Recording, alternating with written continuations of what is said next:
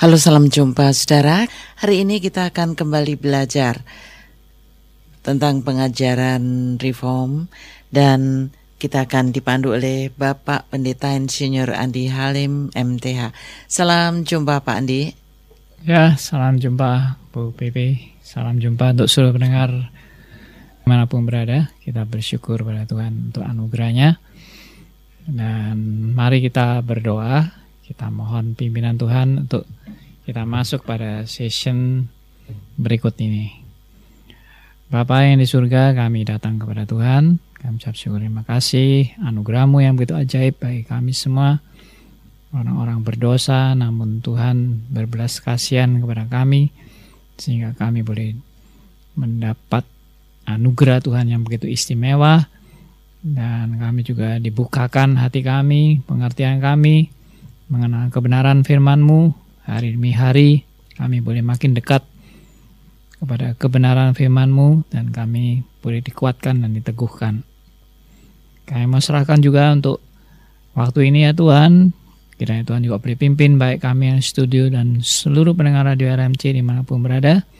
Tuhan berkati dan Tuhan beri kekuatan, hikmat bijaksana melalui firman Tuhan yang akan kami pelajari bersama. Kami serahkan doa kami dan seluruh waktu ini dalam nama Tuhan kami Yesus Kristus, Tuhan dan Juru Selamat kami yang hidup sampai selamanya. Amin. Saudara kita memiliki waktu ke depan untuk bersama-sama belajar bersama dengan Bapak Pendeta Insinyur Andi Halim MTH tentang uh, pengajaran reform. Kita masih pada Sola Gracia kah Pak Andi atau kita akan ya. belajar yang lain? tetap masih sholat gracia. Ya saudara sekalian kita akan uh, melanjutkan pelajaran kita mengenai sholat gracia. Kita udah belajar tentang uh, topik pertama ini yang dicetuskan oleh Martin Luther, tokoh reformasi, di mana dia mengajarkan uh, tiga hal yang sangat mendasar dalam uh, pengajaran iman Kristen yang benar yaitu uh, tiga hal itu yaitu sola gracia, sola fide, dan sola scriptura. Nah, sekarang kita akan mempelajari mengenai sola gracia. Yang kita lanjutkan. Kita udah dapat penjelasan mengenai uh, kenapa kita tidak bisa diselamatkan melalui perbuatan baik? Jelas jawabannya adalah karena kita semua adalah orang-orang yang sudah jatuh dalam dosa. Dan yang berikutnya dengan kita sudah ter sudah jatuh dalam dosa dan ternoda oleh dosa, maka seluruh tindakan kita adalah tindakan yang sudah diwarnai oleh dosa. Ya, sudah diwarnai oleh dosa. Jadi sebaik-baiknya kita kita tetap berdosa di hadapan Tuhan dan tidak bisa memenuhi standar Allah. Jadi standar Allah itu adalah kesempurnaan. Dan saudara dan saya tidak menjalani hidup sehari-hari tidak akan pernah bisa mencapai kesempurnaan. Kata karena kita masih uh, karena kita tadi sudah ternoda atau terdistorsi oleh dosa. Nah, itulah keberadaan kita. Dan uh, di Alkitab juga dinyatakan bahwa uh, bahkan kesalehan kita ini semua seperti kain yang kotor ya yang yang sama sekali tidak bisa memenuhi standar kesempurnaan Allah. Jadi sebaik-baiknya kita, ya sebaik-baiknya kita, dan uh, sekuat tenaga kita untuk mau berbuat baik, tetap tidak bisa memenuhi standar Allah. Ya, selain tadi kita berdosa, ya, kita sudah ternoda, kita sudah bercacat. Ya, tetap tetapi juga sebaik-baiknya kita itu tetap di bawah standar Allah. Karena standar Allah itu adalah kesempurnaan. Standar Allah itu tanpa cacat, tanpa celah, tanpa noda, ya, tanpa kelemahan, tanpa kekurangan. Nah, siapa di antara kita semua yang bisa tanpa cacat, tanpa kelemahan, tanpa kekurangan? Enggak ada yang bisa.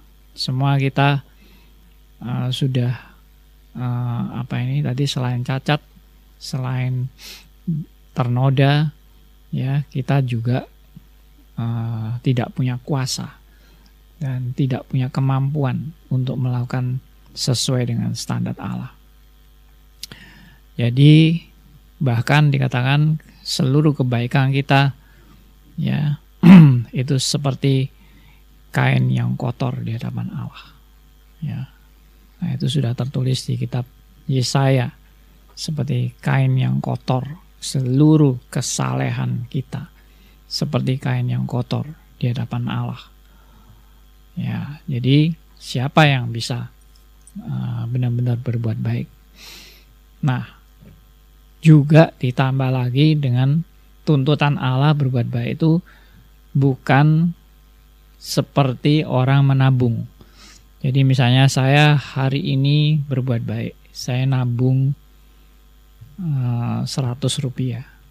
Besok pagi berbuat baik lagi, nabung 200 rupiah. Besok lusa berbuat baik lagi, nabung 300 rupiah. Satu tahun saya bisa nabung mungkin sampai ya puluhan ribu. Uh, lalu berapa tahun lagi bisa ratusan ribu berapa tahun lagi bisa jutaan saya tabung terus. Tidak. Ternyata perbuatan baik yang dalam ukuran Allah bukan seperti orang menabung. Tapi perbuatan baik dalam ukuran Allah itu tuntutannya harus sempurna 100% baru bisa diterima. Jadi misalnya saya jam ini berbuat baik tapi nanti dua jam lagi saya nggak berbuat baik. Maka perbuatan baik saya sekarang itu tidak di, dapat diperhitungkan pada saat saya dua jam lagi berbuat jahat. Pada waktu dua jam lagi berbuat jahat, perbuatan baik saya sekarang ini udah nggak nggak diperhitungkan lagi, akhirnya nol lagi. Saya harus ber, berbuat baik lagi. Lalu lima jam kemudian saya berbuat baik tapi itu tujuh jam lagi saya berbuat jahat lagi. Akhirnya nol lagi. Nah itu terus menerus seperti itu. Sehingga memang saya nggak mungkin bisa berbuat baik yang secara menyeluruh. Ya, secara uh, integrated. Itu nggak, saya nggak mampu untuk itu. Satu hari 24 jam saya harus sempurna terus. Itu nggak mungkin bisa. Dan begitu saya berbuat sesuatu yang keliru pada hari itu, langsung perbuatan baik saya lenyap semua. Nah, itu tertulis di kitab Yakobus. Di kitab Yakobus dikatakan kalau kamu mengikuti seluruh hukum itu, tapi kamu mengabaikan satu bagian daripadanya, kamu bersalah terhadap seluruhnya. Nah, itu hukumnya. Yakobus 2 ayat yang ke 10 ya jadi saya kalau mau sempurna terhadap mentaati hukum, saya harus mentaati hukum itu benar-benar perfect, benar-benar sempurna, benar-benar tanpa cacat, benar-benar tidak ada kelemahan. Baru saya bisa diterima. Tetapi siapa yang bisa seperti itu? Siapa yang bisa benar-benar perfect? Siapa yang benar-benar nggak punya cacat, nggak punya kelemahan? ya yang benar-benar prestasinya seumur hidup tanpa kelemahan dan kekurangan. Nah, jadi kalau saya bisa berbuat baik tahun ini, tahun depan tidak berbuat baik, ya udah tahun ini nggak nggak diperhitungkan lagi. Nah seperti itu. Jadi kapan bisanya? Nggak mungkin bisa. Jadi saya yakin ya, memang Alkitab tuh benar-benar menyatakan kebenaran bahwa tidak ada seorang pun yang bisa masuk surga karena perbuatan baik. Kenapa? Karena tidak ada seorang pun yang bisa berbuat baik. Berbuat baik yang bagaimana? Berbuat baik yang menurut standar Allah. Nah, ini semua adalah kaitan yang yang yang nyambung ya, yang nyambung yang yang tidak terputus. Kita semua uh, tidak bisa memenuhi standar Allah. Nah, itu hal yang kita sudah uraikan. nah, sekarang tambahan saya untuk hari ini adalah seandainya kita bisa benar-benar berbuat baik. Seandainya, tapi itu seandainya tidak pernah ada. Seandainya kita benar-benar bisa berbuat baik yang tanpa cacat, yang tanpa kelemahan, yang tanpa kekurangan, yang benar-benar sempurna di hadapan Tuhan. Ya, apakah Tuhan bisa menerima saya? Nah, jawabannya ternyata tetap tidak bisa diterima. Loh, kok aneh? Tadi ngomongnya kan Tuhan nuntut yang sempurna, Tuhan nuntut yang baik, Tuhan nuntut yang tidak bercacat gitu. Tapi seandainya saya benar-benar sempurna, saya benar-benar baik, saya benar-benar tak bercacat, apakah Tuhan mau terima saya? Ternyata tidak. Nah, pertanyaannya, kenapa kok bisa tidak? Nah, persoalannya adalah masalah keselamatan adalah bukan masalah berbuat baik. Nah ini yang banyak orang juga nggak paham. Sekali lagi ya, masalah keselamatan bukan masalah kita kurang berbuat baik. Seandainya kita kurang berbuat baik, maka ya itu tadi, mari kita berbuat baik. Dan kalau sampai saya bisa benar-benar berbuat baik yang benar-benar tanpa cacat, benar-benar tanpa kelemahan, benar-benar tanpa kekurangan, maka saya bisa lol lulus dari ujian perbuatan baik ini. Saya bisa menerima keselamatan. Tapi ternyata setelah kita teliti di dalam Alkitab, keselamatan itu bukan masalah kita kurang berbuat baik Nah, ini yang yang sering kali orang salah paham di sini. Dipikir kalau berbuat baik bisa selamat. Enggak. Keselamatan tuh masalahnya bukan kita kurang berbuat baik. Kalau memang kita kurang berbuat baik ya, yaitu tadi mari kita menabung dengan berbuat baik. Maka begitu kita berbuat baik banyak sekali sudah selesai. Kita akan memperoleh keselamatan. Tapi keselamatan itu tidak tidak berkaitan dengan kita kurang berbuat baik. Nah, kalau begitu apa? Keselamatan itu berkaitan, berkaitan dengan apa? Keselamatan itu berkaitan dengan yang namanya hukuman maut. Hukuman maut. Nah, akibat manusia memberontak kepada Allah, maka hukumannya adalah maut. Bukan hukumannya kamu harus berbuat baik lebih banyak. Enggak. Tapi hukumannya adalah maut. Nah, jadi ini yang jadi serius, saudara sekalian. Ya, ini yang jadi serius. Kalau uh, cuma saya harus berbuat baik, enggak enggak enggak masalah itu sebetulnya. Makanya banyak orang pikir dengan berbuat baik dia bisa selamat. Tetapi uh, masalah keselamatan itu bukan kurang berbuat baik tadi itu. Tapi masalah keselamatan adalah masalah hukuman akibat pemberontakan kepada Allah. Yaitu saya harus menjalani hukuman yang namanya maut. M A U T. Maut. Saya kasih ilustrasi contoh ya, analogi. Jadi misalnya uh, saya ini mencuri misalnya. Setelah saya mencuri, saya ketahuan polisi, saya ditangkap, dan akhirnya saya harus karena saya mencuri, saya harus menjalani hukuman, dan hukuman saya difonis penjara satu tahun misalnya begitu. Tapi saya bilang, tunggu pak, uh, maaf saya uh, saya akan saya saya akan menebus segala kesalahan saya. Ya. Lalu hakimnya tanya, "Kamu mau menebus dengan bagaimana?" Semua yang saya curi akan saya kembalikan. Dan saya menuntut untuk bebas. Setelah saya kembalikan semua. Lalu hakimnya bilang, "Oh, masalahnya kamu itu bukan hukumannya bukan untuk kamu harus mengembalikan barang-barang yang kamu curi. Itu juga itu juga harus dikembalikan.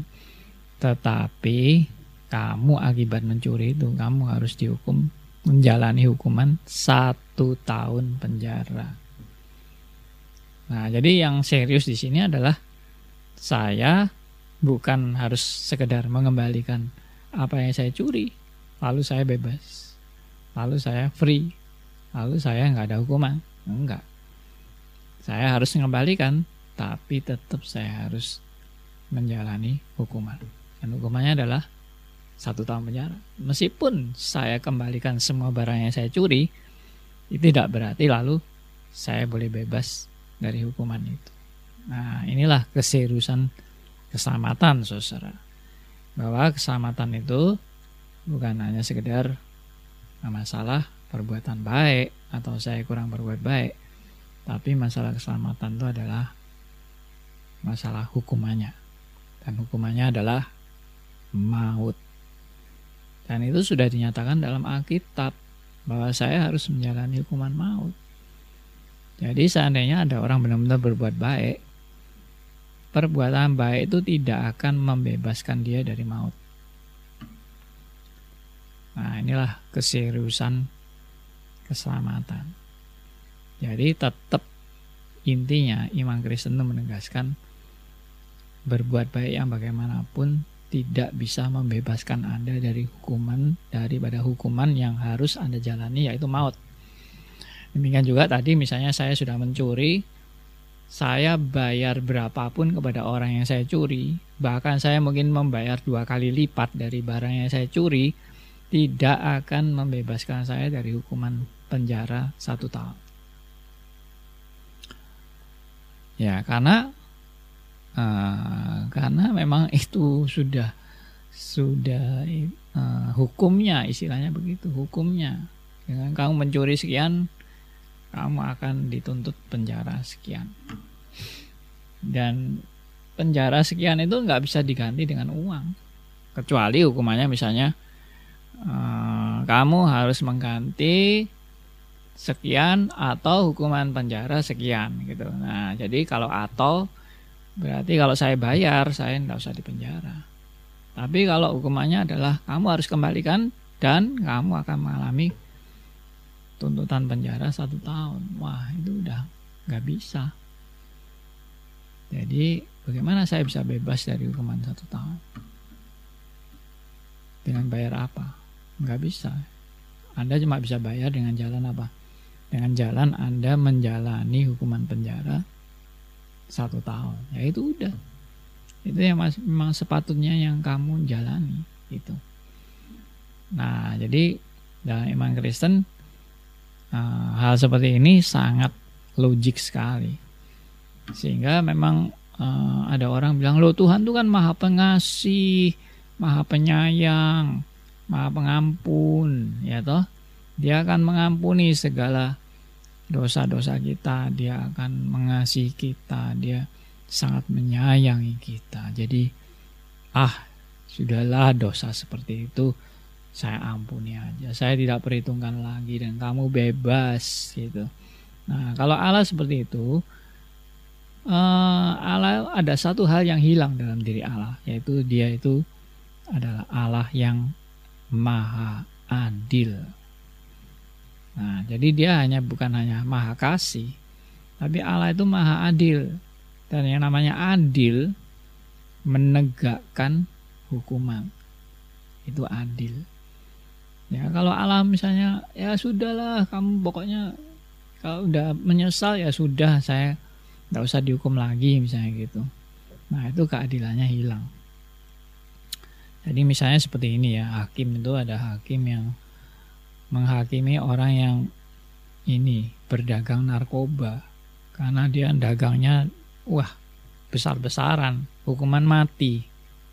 Ya lalu orang orang yang terkena hukuman mati ini akhirnya di pengadilan aduh nangis nangis menyesal aduh bertobat pokoknya saya tolong diampuni saya tidak mau lagi untuk uh, berdagang narkoba lagi dan sebagainya sebagainya lalu hakimnya aduh kasihan juga ya orang ini hmm, nangis-nangis dia bertobat dia menyesal lalu dia bilang saya punya anak apa segala macam masih kecil-kecil anak saya gini-gini lalu hakimnya ya kasihan sekali ya memang orang ini patut dikasihani. Ya sudah kamu bebas gitu aja. Karena sudah menyesal karena hakimnya penuh dengan kasih dengan apa uh, belas kasihan dan kepedulian terhadap orang yang akan dihukum mati ini. Lalu ya sudah uh, saya ampuni kamu bebas. Nah pasti hakim seperti ini nanti akan dituntut oleh pengadilan juga. Ini pasti hakim nggak beres. Kenapa? Karena dia harus menuntut orang ini hukuman mati. Nggak boleh dibebaskan. Kalau dibebaskan hakim ini berarti nggak benar juga.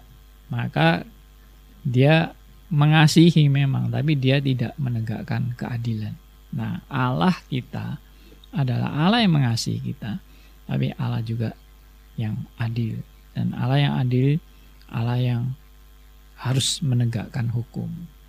Dan hukum yang harus dijalankan oleh kita semua sebagai orang yang sudah memberontak kepada Allah adalah hukuman maut.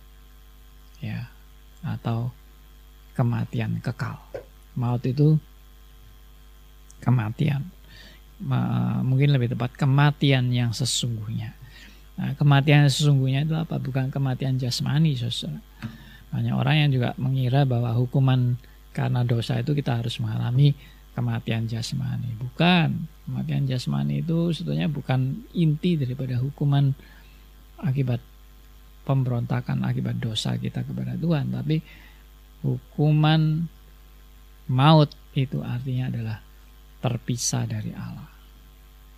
Nah, ini ini makna daripada hukuman yang sebenarnya. Bukan kematian jasmani, tapi kematian rohani. Nah, kematian rohani itu artinya adalah terpisah dari Allah. Nah, inilah kematian yang sesungguhnya.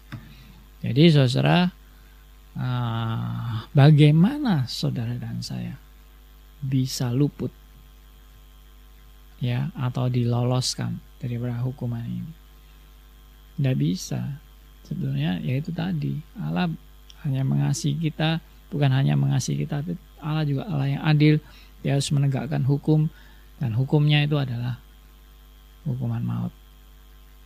Kita berkata di Roma 6 ayat 23 upah dosa uh, adalah maut. Ya, upah dosa adalah maut dan di kejadian 2 ayat 17 juga dikatakan bahwa Oh, pada saat kamu makan buah itu, kamu akan mati. Ya, yang dimaksud mati itu adalah ternyata Adam dan Hawa waktu makan tidak mati, tidak mati secara fisik, tapi dia mati secara rohani, yaitu hubungan dengan Allah sudah terputus dan tidak menjadi harmonis lagi seperti sebelumnya. Nah, jadi mereka sudah berada di bawah hukuman dan harus menjalani hukuman itu di dalam kekekalan. Nah, tetapi ada tetapinya ini ya. Allah memberikan jalan keselamatan. Nah, jalan keselamatan ini bukan jalan keselamatan menurut uh, versi manusia atau kebenaran manusia. Jalan keselamatan ini adalah menurut hikmat bijaksana Allah. Nah, apa jalan keselamatannya? Jalan keselamatannya adalah hukuman harus dilaksanakan. Tetapi Tuhan menimpakan hukuman ini, dialihkan kepada anaknya yang tunggal, yaitu Yesus Kristus. Nah, inilah sebetulnya berita keselamatan yang sebenarnya. Berita keselamatan yang sebenarnya adalah saudara dan saya seharusnya dihukum dan menjalani hukuman maut dan kematian yaitu terpisah dari Allah sampai selama-lamanya. Tetapi bagaimana cara Tuhan membebaskan saudara dan saya? Ya, bukan lalu diampuni gitu aja, lalu selesai. Enggak, harus ada yang menjalani hukuman itu dan tidak ada yang bisa menggantikan saudara dan saya untuk luput daripada hukuman itu karena tidak ada yang mampu semua juga berdosa semua juga bercacat semua juga harus menerima hukuman jadi siapa yang harus terima hukuman Allah sendiri yang datang nah itu Allah mengutus anaknya yang tunggal Allah anak untuk menjadi pengganti bagi saudara dan saya dan Allah anak itu yang mengalami hukuman bagi saudara dan saya ini suatu logik yang luar biasa, yang Allah, hikmat Allah yang luar biasa, yang dinyatakan untuk membebaskan manusia yang tidak dimungkinkan bisa diselamatkan. Tapi Allah yang mencarikan jalan keluar. Dan Allah yang juga menyelesaikan solusi ini dengan anaknya yang tunggal. Nah, ini suatu pemikiran yang supra brilian ya, supra brilian suprarasional. Yang yang me, me, mengatasi semua pemikiran-pemikiran manusia. Dan ini pasti bukan hasil hasil imajinasi atau rekayasa manusia. Pasti bukan. Ini adalah asli murni dari pikiran Allah bijaksana Allah ya sehingga memang banyak orang yang kalau tidak dibukakan itu hatinya nggak akan mengerti rahasia Allah yang luar biasa ini Rahasia Allah ini sudah dinyatakan melalui firman-Nya yaitu Alkitab. Tapi masih banyak orang menolak Alkitab. Itu membuktikan masih banyak orang buta dan tidak tercelik melihat kebenaran. Maka kalau saudara dan saya bisa menerima kebenaran ini, ini adalah anugerah Tuhan luar biasa. Dan kesimpulan adalah sola gracia. Sola gracia adalah pemberian cuma-cuma, pemberian gratis Saudara tidak bisa menyelamatkan diri saudara sendiri, tetapi Kristus yang mau datang untuk menyelamatkan saudara. Saudara tidak bisa membayar hutang dosa saudara. Kristus yang membayar hutang saudara dan saya. Dengan jalan apa? Dengan jalan dia harus disalib. Dengan jalan dia harus mengalami penyiksaan. Dengan jalan dia harus mengalami yang paling puncak dari semua penyiksaan adalah terpisah dari Allah. Karena memang maut adalah terpisah dari Allah. Maka Kristus mengalami terpisah dari Allah pada saat disalib sehingga mengatakan Eli Eli lama sabatani. Itulah hadiah terbesar bagi saudara dan saya. Itulah pembayaran hutang yang harus saudara dan saya alami mengalami keterpisahan dengan Allah. Kristus yang mengalami menggantikan saudara dan saya. Itu namanya substitusi. Substitusi itu adalah penggantian. Saudara dan saya yang harus mengalami maut, Kristus yang mengalami maut menggantikan saudara dan saya. Nah, ini adalah anugerah Tuhan. Ini adalah sola gracia. Sehingga orang yang benar-benar menyadari ini, orang itu akan menyanyikan seperti nyanyian yang kita sudah sering kali kenal Amazing Grace ya anugerah Tuhan yang begitu ajaib yang begitu luar biasa nah biarlah ini berita yang baik berita sukacita kabar baik bagi semua orang yang merindukan kebenaran kebenaran yang sejati yang dari Allah dan bukan kebenaran menurut rekayasa manusia. Kiranya ini boleh jadi berkat dan Tuhan dipermuliakan. Amin. Saudara Pak Andi sudah mengulas, memberikan kita tambahan lagi eh, tentang sola gracia. Titik poinnya pada kita tidak dapat diselamatkan karena perbuatan baik, karena seluruh tindakan kita sudah diwarnai dosa dan tentu tidak memenuhi standar Allah kesalahan kita, sebaik-baiknya kita, tetap tidak bisa memenuhi standar Allah ya Pak Andi ya. Hmm. Ya, oke. Okay. Tuntutan Allah untuk berbuat baik itu bukan seperti nabung. Tapi Pak Andi, kadang-kadang diam-diam dalam bilik rahasia kita ya. uh, jujur kita akui kadang-kadang ya udah hari ini aku berbuat baik karena nanti akan apa gitu atau ya sudah kemarin saya sudah salah kalau gitu hari ini saya melakukan apa mungkin Tuhan memaafkan itu sungguh loh Pak Andi kadang-kadang diam-diam dalam uh, pengakuan rahasia kita kadang-kadang gitu ya hmm. tapi ternyata itu pun tidak akan meskipun hal-hal sederhana ya tetap tetap saja uh, tidak balance ya Pak Andi ya tidak bisa dianggap sebagai timbangan ya. Hmm. Kalau aku sudah begini berarti Tuhan memaafkan yang kemarin atau kalau aku sudah begini Tuhan memaafkan tujuanku ke depan yang kurang mungkin kurang berkenan Tuhan berkenan gitu ya. Tapi kenapa uh, pikiran seperti itu kadang-kadang melanda kita umat percaya juga Pak Andi? Ya, kita karena kita pakai standar manusia jadi manusia itu memang uh, ya kita itu kan banyak toleransi gitulah, hmm. banyak toleransi ya. Kalau orang berbuat salah sama kita, mungkin kita juga ya masa kita mau keras sekali ya kita ampunilah gitu kita uh, apa tidak perhitungkan apa kesalahan dia dan sebagainya Ya itu kalau sehari-hari ya. Tapi itu yang tadi saya bilang kalau itu hukuman di pengadilan, nah itu nggak bisa. Itu yang tadi saya bilang kalau misalnya si terhukum ini terpidana ini malu menyesal lalu bilang, waduh saya habis ini akan berbuat baik, berbuat baik, berbuat baik. Ya kamu mau berbuat baik seribu kali tetap nggak bisa membebaskan kamu daripada hukuman yang harus kamu jalani hukuman penjara. Ya toh kamu mau satu juta kali berbuat baik pun kamu masih tetap harus di penjara. Jadi itu nggak bisa bebas. Demikian juga kita. Kita mau berbuat baik berbuat baik berbuat baik.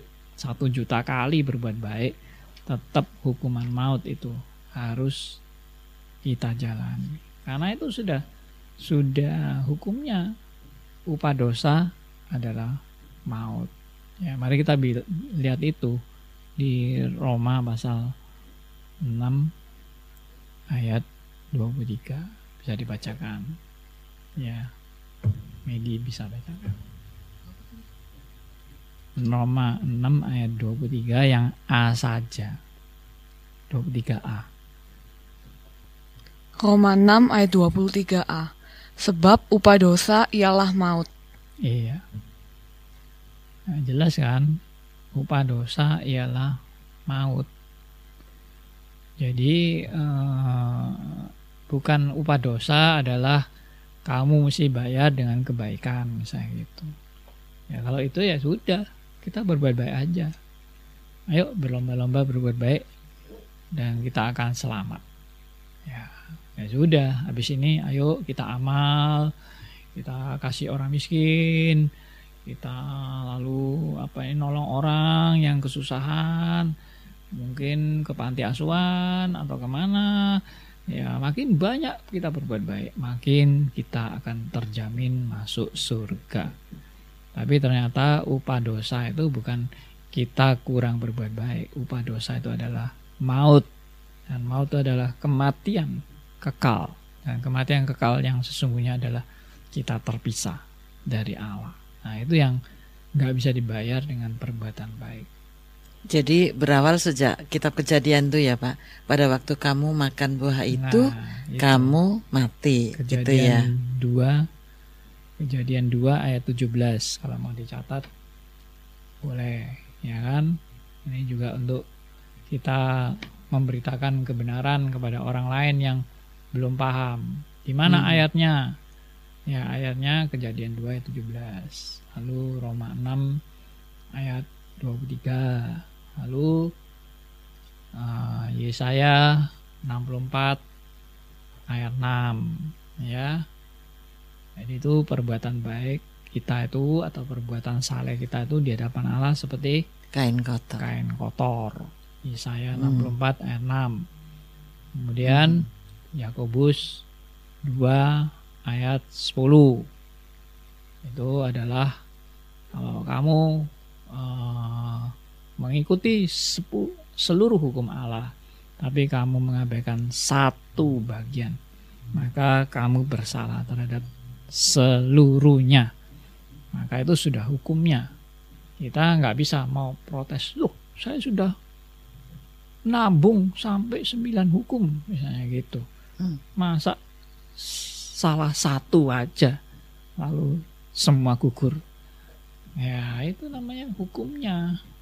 Itu namanya memang sudah sudah satu paket. Hukum Allah itu satu paket. Bukan nabung-nabung tadi itu tapi satu paket. Hmm. ya, jadi misalnya kalau satu paket tuh saya kasih umpama begini saya itu sudah tidak pernah membunuh saya tidak pernah berzina ya toh saya uh, tidak pernah berbohong. Saya selalu menolong orang yang susah misalnya gitu wah semua sudah baik. Tapi ada satu yaitu saya korupsi. Misalnya gitu. Tolong kalau korupsi ini jangan direken lah gitu ya. Jangan diperhitungkan lah. Karena kan perbuatan baik saya sudah banyak sekali. Jadi korupsi ini kan cuma satu. Kalau satu ini ya sudahlah tolong pejamkan mata anda dosa kecil nah, jadi tidak usah dipedulikan kan saya sudah tidak berzina saya tidak pernah uh, apa ini uh, berbohong saya apa saya cuma korupsi aja saya gitu jadi tolong nggak nggak usah dianggap deh korupsi. Saya jangan dipersalahkan deh. Ya nggak bisa. Begitu Anda korupsi, biarpun Anda tidak berzina, Anda tetap diperhitungkan sebagai orang yang bersalah. Nah itu hukumnya. Ya jangankan kita yang berbuat dosa, kita belum berdosa saja sudah mewarisi dosa asal ya Pak Andi ya. Dan ya. terkena hukuman maut itu ya. Ya, kelihatannya belum berbuat dosa, tapi sudah ya. berdosa. Sejak dalam kandungan. Nah, jadi itu ditambah lagi kalau sudah apa ini sejak kandungan saya sudah berdosa. Ya udah malah nggak bisa apa-apa, nggak bisa, nggak bisa nggak dosa. Karena dosa itu bukan bukan masalah perbuatan.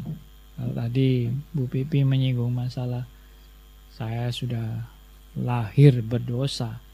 Berdosa itu adalah masalah status, ya, masalah status. Jadi kalau masalah status saya itu nggak bisa lepas dari status saya.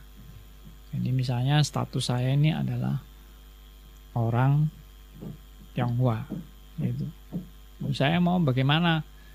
Mungkin mau menyangkali bahasa bahasa orang Tionghoa saya Oh, enggak kok, saya bukan orang Tionghoa kok. Oh, saya ini anu loh, asli ya, asli Batak misalnya gitu ya toh. Ya orang juga ketawa sama saya. Kamu mau menyangkali statusmu mau bagaimanapun ya kamu tetap orang Tionghoa gitu. Jadi nggak bisa status itu nggak bisa lepas karena emang sudah sejak dalam kandungan kita sudah berdosa itu Ayatnya adalah di Mazmur 51 ayat 7. Nah, ini semua ayat-ayat ini semua menunjang kebenaran kebenaran bahwa kita ini nggak pernah bisa baik di hadapan Tuhan. Di Mazmur 51 ayat 7 ya dalam dalam uh, kesalahan aku diperanakan, dalam dosa aku dikandung ibuku. Nah, waktu diperanakkan aja sudah salah. Waktu dalam kandungan sudah berdosa. Nah, kenapa? Ya dosa asal. Maksudnya dosa asal bagaimana? Ya dari Adam dan Hawa. Lo saya tidak ikut-ikut dosa kok saya terkena. Loh ya itu sudah hukumnya. Dosa itu menjalar kepada semua orang. Gara-gara dosa satu orang, maka dosa menjalar kepada semua orang ya itu itu itu sudah hukumnya juga ya jadi uh, saya, saya tidak bisa tidak mau saya tidak mau berkaitan dengan hal itu karena karena itu sudah sudah status saya gitu ya itu tadi kayak misalnya orang tua saya ini orang Tionghoa. Maka saya lahir sebagai orang Tionghoa. Lalu saya bilang saya nggak mau jadi orang Tionghoa. Misalnya gitu. Saya tidak senang menjadi orang Tionghoa. Misalnya gitu. Ya kamu mau menyakal bagaimanapun mau berontak bagaimanapun mau nggak terima bagaimanapun kamu tetap orang Tionghoa. Ya kan? Jadi saya juga orang tua saya orang berdosa nenek moyang saya juga berdosa sejak Adam dan Hawa juga berdosa semua keturunannya berdosa dan harus diterima kenyataan ini sebagai status yang sebenarnya. Nah, jadi ini juga sudah hukumnya. Ya ditambah lagi satu ayat lagi yaitu Roma 5 ayat yang ke 12 ya Roma 5 ayat ke-12 nah itu juga amat sangat jelas bahwa dosa satu orang maka dosa itu maka maut sudah menjalar kepada semua orang artinya semua orang udah statusnya udah terhukum saudara dan saya semuanya sudah terhukum. Maka hopeless. Keadaannya hopeless. Maka cuma satu. Sola gracia. Hanya karena anugerah Allah. Kalau nggak ada anugerah Allah, kamu semua pasti binasa. Kalau nggak ada anugerah Allah, kamu semua pasti tidak bisa memenuhi tuntutan Allah. Ya, yang sempurna dan tak bercacat, tak bercacat dan maha kudus itu dan maha adil itu. Anda tidak bisa memenuhi tuntutan keadilan Allah dengan membayar maut. Yang bisa membayar maut cuma Kristus. Kenapa Kristus bisa membayar maut? Karena Kristus tidak berdosa. Karena Kristus adalah Allah yang menjadi manusia. Dia tidak berdosa, dia tidak bercacat, dia tidak punya kelemahan. Dia sempurna 100%. Maka dia menjadi manusia yang sempurna dia menjadi manusia yang tidak bercacat. Dia menjadi manusia yang uh, tidak sebagai terhukum. Maka dia layak menjadi penebus. Dia layak menjadi pengganti. Nah, itulah kabar baik. Itulah sola gracia. Ya oke okay. meskipun Allah maha kasih tapi juga maha adil Maut itu harus ditimpakan pada manusia tapi karena manusia nggak mampu menanggungnya, yang menanggung hanya yang maha sempurna ya Pak ya. Iya. Oke, Pak Andi ada yang perlu ditambahkan? Ya, yang perlu ditambahkan setelah kita menerima anugerah, what next, ya toh? Apa selanjutnya? Apakah kita cuma diam-diam aja? Kita cuma uh, happy-happy aja? Oh iya, cuma senang gitu aja? Atau Oh Tuhan, Engkau sudah berbuat yang terbaik bagiku. Biarlah aku juga mau belajar memberi yang terbaik bagi Tuhan. Untuk kemuliaan bagi Tuhan. Untuk hidupku bisa dipakai bagi pelebaran kerajaan Allah. Juga aku mau mengabarkan berita kabar baik ini kepada mereka yang belum menerima Engkau. Ya, supaya mereka juga bisa mengalami seperti yang saya alami ya terutama uh, orang tentunya bagi orang-orang yang dipersiapkan Allah yaitu bagi orang-orang pilihan yang sudah dipilih Allah sebelum dunia dijadikan biarlah kita menjadi saluran berkat bagi mereka yang masih tersesat dan belum tahu jalan kebenaran ini ya mari kita tutup dalam doa Bapa yang di surga, kami sungguh bersyukur anugerahmu yang begitu ajaib bagi kami semua. Orang-orang berdosa yang hopeless, tidak ada harapan. Namun Tuhan memberikan jalan keselamatan yang luar biasa. Sola gracia, hanya karena anugerahmu. Tuhan mengutus anakmu yang tunggal untuk menggantikan kami, orang-orang yang sepatutnya dibinasakan. Namun Tuhan menyelamatkan kami. Semua ini hanya karena anugerahmu, semua benar-benar anugerah yang ajaib. Biarlah kami boleh benar-benar mengatakan amazing grace, anugerah Tuhan yang begitu ajaib. Dan kami juga boleh mempersembahkan yang terbaik dalam seluruh hidup kami untuk kemuliaan bagi Allah sebagai ucapan syukur kami. Terima kasih ya Tuhan. Amin. Terima kasih Pak Andi. Terima kasih Bu Pipi. Terima kasih saudara yang sudah bersama dengan kami. Kiranya pelajaran hari ini bisa menjadi berkat bagi kita. Sampai jumpa.